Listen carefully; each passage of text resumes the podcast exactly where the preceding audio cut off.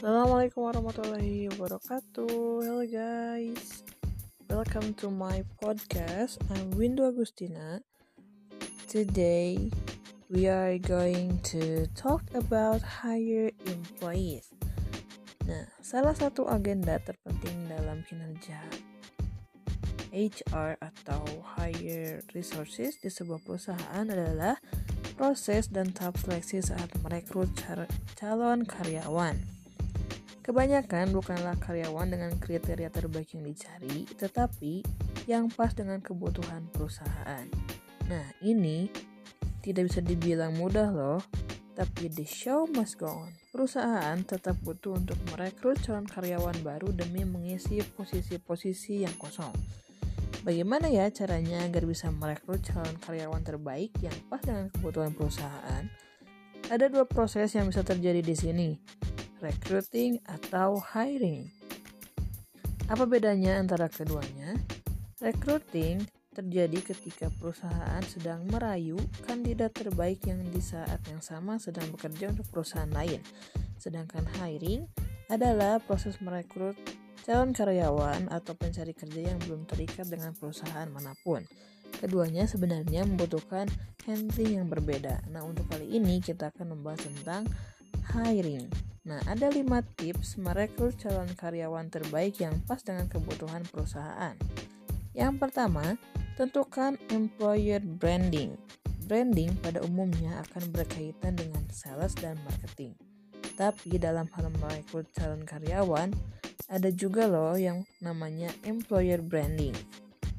Employer branding adalah bagaimana cara kita memperkenalkan perusahaan kepada para kandidat dan pencari pekerja yang berkualitas agar kemudian mereka tertarik untuk bergabung.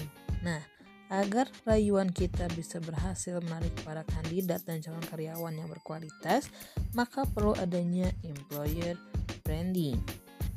Yang kedua, sebutkan kebutuhan yang jelas.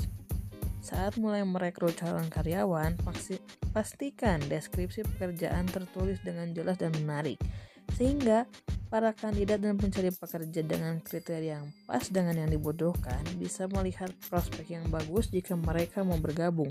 Selain itu, uraikan pekerjaan yang inklusif agar menarik kandidat-kandidat yang cukup beragam.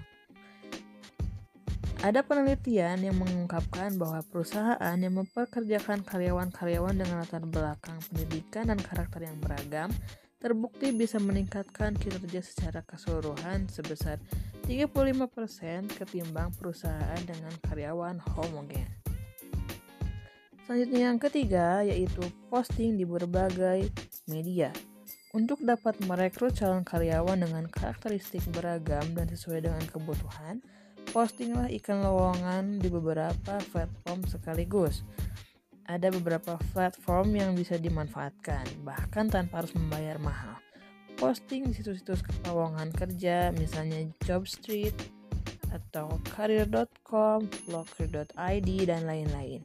Cermati syarat dan ketentuan yang ada di masing-masing situs agar kita bisa menyesuaikan iklan lowongannya. Posting di akun-akun media sosial perusahaan juga, ter terutama di LinkedIn.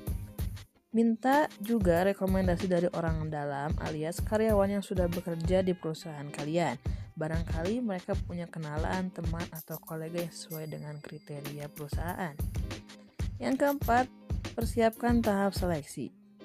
Tahap berikutnya yang harus segera disiapkan saat merekrut calon karyawan adalah mempersiapkan seleksi, terutama tentang standar apa saja yang harus dipenuhi oleh para kandidat untuk masuk ke dalam shortlist.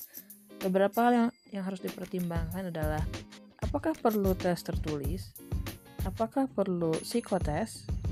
Perlukah tes praktik?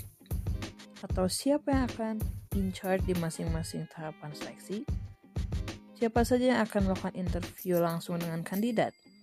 Dalam tahap interview, jangan sia-siakan kesempatan untuk menggali informasi sebanyak-banyaknya mengenai calon karyawan yang tidak bisa diungkapkan dalam tes-tes lainnya, terkhusus soal bagaimana mereka menjalani hidup setiap harinya.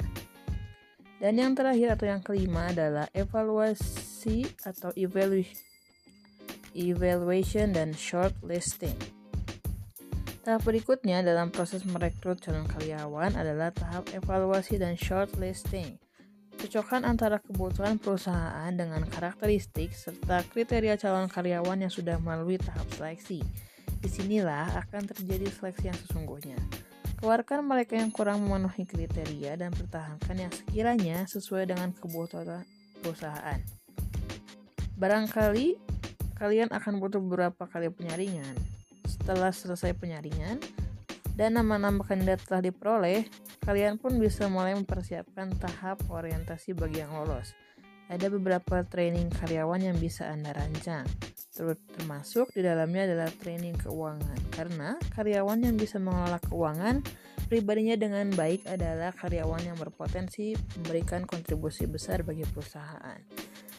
Nah, maybe that's all for today. Thank you so much for your attention. See you on next podcast. Wassalamualaikum warahmatullahi wabarakatuh. See you.